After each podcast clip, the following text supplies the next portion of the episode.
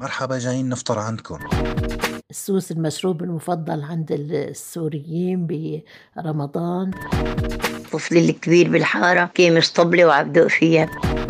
كانوا دائما غالبية الأولاد يصوموا في شيء كان اسمه درجات الحمام. فأنا هذا الشيء ما كنت يعني ما ولا مرة جربته بصراحة. هاي درجات الحمام أنا ما جربتها. طلعنا على بلاد اللجوء وما زالت يعني محل ما نحن موجودين. تجمع السوريين تلاقي الأجواء نفسها بتكون المعروك والتمر. صيام الغزلان يلي هو تصوم من أذان الفجر لحد أذان الظهر.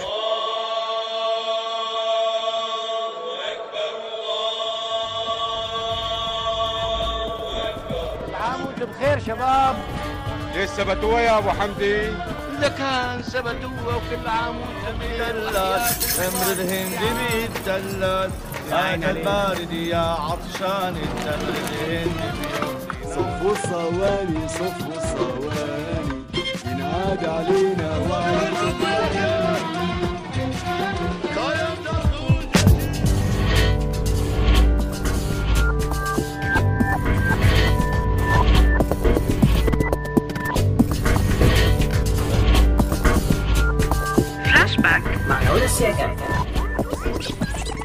الماضي الجميل. كلمة دائما بنسمعها وبنقتنع إنه كل شي راح أحلى من الموجود. حتى اليوم نحن بنفكر هيك وما بنعرف هل فعلا الحياة من 20 أو 100 سنة كانت أحلى ولا بس لأنه عنا قناعة إنه كل ماضي بيكون جميل. من حظنا أو يمكن من سوء حظنا نحن جيل الألفيتين. ودعنا الألفية الثانية وعشنا كتير من التفاصيل واستقبلنا الألفية الثالثة اللي عم نعيش يومياتها والفروقات اللي بالحقيقة كبيرة وصغيرة باختلاف المواضيع. من 1400 سنة تقريبا كان كل سنة بمر شهر رمضان. وهو الشهر يلي أمر الله عباده المسلمين فيه بالصيام والمسلمين بشكلوا أكثر من 80% من سكان سوريا. هذا الشيء بيخلي المجتمع السوري مجتمع إسلامي الثقافة. استقى كثير من عاداته عن إيمان تام وطور الطقوس الدينية وأكسبها من طابعه الاجتماعي الخاص وأبرز رمضان وطقوس الصيام. شكل الحياة تغير بالمئة سنة الأخيرة. العادات والتقاليد اختلفت وتطورت. هذا الشيء يفترض يخلي رمضان جدي وجدك غير رمضان أبي وأبوك وغير رمضاني ورمضانك. رمضان السهرات العائلية والنطرة بليلة 29 شعبان على الجبال والأماكن المرتفعة لنشوف الهلال غير رمضان اللي صرنا نعرف إمتى جاية فيه قبل بسنة. رمضان الحكواتي بالقهوة غير رمضان الدراما. يا ترى هيك؟ خلونا نتابع كيف تطور رمضان. نستمع إلى آراء سوريين عايشوا الحدث. أنتم عم تسمعوا فلاش باك مع نورس يغن بآخر الخمسينات وأول الستينات يعني كان عمري سبعة ثمان سنين. وكان الصيام آه لازم تجتمع العيلة الأب والأخوة والخوات حتى لو كانوا متزوجين لازم يفطروا. آه أول يوم عند الأهل ويتزاوروا كل يوم عند آه واحد منهم يفطروا. وكانت مائدة رمضان طبعا. هي بسيطة بالزمن القديم ما كان في تنوع من هالأكل الكتير مثل حاليا. فكان ممكن يكون شكل واحد من الأكل. كانوا يحطوا صفرة للكبار صفرة للصغار. كان طبعا كان سيد المائدة بهداك الزمان السوس. ما زال يعني حتى الآن السوس المشروب المفضل عند السوريين برمضان. وكان الحلو بقى اللي هو المشبك واللي واللقم وممكن يساووا له زينة. وكانت النساء برمضان بعد المغرب طبعا ما كان في موضة والله يروحوا يصلوا التراويح بالجوامع فكانوا يجتمعوا الجيران عند بعضهم أو الأهل لأن يكونوا ساكنين بنفس الحارة يلعبوا لعبات تسالي يقضوا السهرة. أحيانا لوقت ما يصير السحور وبآخر أسبوع من رمضان لازم تنزل على الأسواق وتشتري اللبس لهالأولاد. لكن بنلاحظ أنه بعد لما تطور الزمان يعني ودخل التلفزيون على أكثر البيوت بنلاحظ إنه تفككت يعني هال الرابطة الأسرية صارت الناس تتسلى ببيوتها تتفرج على التلفزيون تشوف مسلسلات فخفت هالعادات و وبدت يعني تقريبا نقول آه، تنقرض إلا قليل يعني عند بعض الأسر. السيدة سعاد وقت اللي يدخل رمضان رمضان غير بهجة وغير لون. العوائل العائلات بترددوا عند بعضهم ليباركوا برمضان. ناس تسهر للسحور والعبادة برمضان غير. بتذكر نانتي جدي أمي العائلة كلها الكبار المصحف يقروا هالختمة. بده يخلصوا رمضان ينهوا المصحف قراءته لآخر رمضان لازم يكون منتهي. وهالولاد بآخر رمضان طلعنا من صلاة التراويح يلموا بعضهم كل حارة بحارته كل يوم حارة كل يوم حارة. ونحن عم ندور بالحارات وبنقول ودعناك يا رمضان يا شهر الفضيل يا شهر المبارك. عليك السلام. ومعه واحد الولد الكبير فيهم ولد الكبير طفل الكبير بالحارة. كان طبلة وعبدق فيها. اسمي ريما جطال. هلأ بالنسبة لرمضان نورة سألتني عن رمضان بطفولتي أول شي رمضان طفولتي يعني أنت عم تسأل عن سؤال كتير مأساوي بالنسبة لإلي. أهلي معوديني من يعني صوم من أنا وصغيرة ما أفطر ولا يوم. كانوا دائما غالبية الأولاد يصوموا في شيء كان اسمه درجات الحمام. فأنا هذا الشيء ما كنت يعني ما ولا مرة جربته بصراحة. هاي درجات الحمام أنا ما جربتها. كنت صوم خلص إنه صوم رمضان كله. هلأ رمضان لما كنت أنا وصغيرة كان كتير حلو خصوصا رمضان اللي بسوريا لأنه كان له أجواء مختلفة تماما عن رمضان هلأ. يمكن لأنه هلأ مثلا بالغربة ما معك أهلك. مجبور إنك أنت تروح مثلا على الجامعة تداوم تدرس ترجع بدك تطبخ بدك تنام. بدك تجلي. هي أهم شيء يعني. أهم شيء فكرة الجلي هاد. يعني عن جد رمضان هلأ صفى متعب خصوصا إنه عم يجي بفصل الصيف. وقت كنت صغير يعني بتذكر كنت بسوريا كان رمضان بسوريا غير شكل كان يقدم الساعة أربعة ونص المغرب.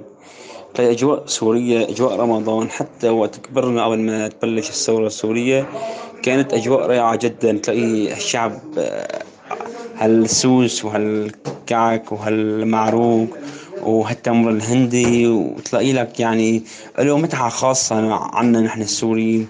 وهلأ يمكن نحن طلعنا على بلاد اللجوء.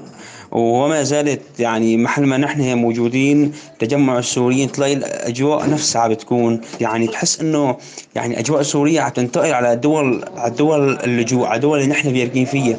خاصة بتركيا يمكن لأن تركيا هي قريبة كثير لسوريا. الشعب كثير قريب للشعب السوري. عم بتكون هيك متعة خاصة. ونحن يعني الحمد لله ما زلنا محافظين على عاداتنا وتقاليدنا هي برمضان. يعني في أمور كثير لحد الآن ما تخلينا عنها. ورمضان متعته بجمعته بتلاقي هالعزايم هالسفر هالأكل تلاقي السفرة بدها بس تتصور ما بدك تاكل منها ابدا. متعة رمضان متعة خاصة عنا نحن السوريين. نتمنى يا رب عن قريب هيك نرجع لسوريا نرجع للمة الحلوة لجمعتنا الحلوة بسوريا. جمعة رمضان الرائعة جدا إن شاء الله. محمد أبو محمود.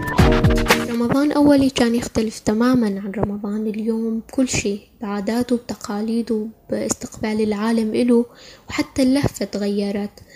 أتذكر أول مرة صمت رمضان كان بالألفين وكان عمري خمس سنين. صمت صيام الغزلان. صيام الغزلان يلي هو تصوم من أذان الفجر لحد أذان الظهر و...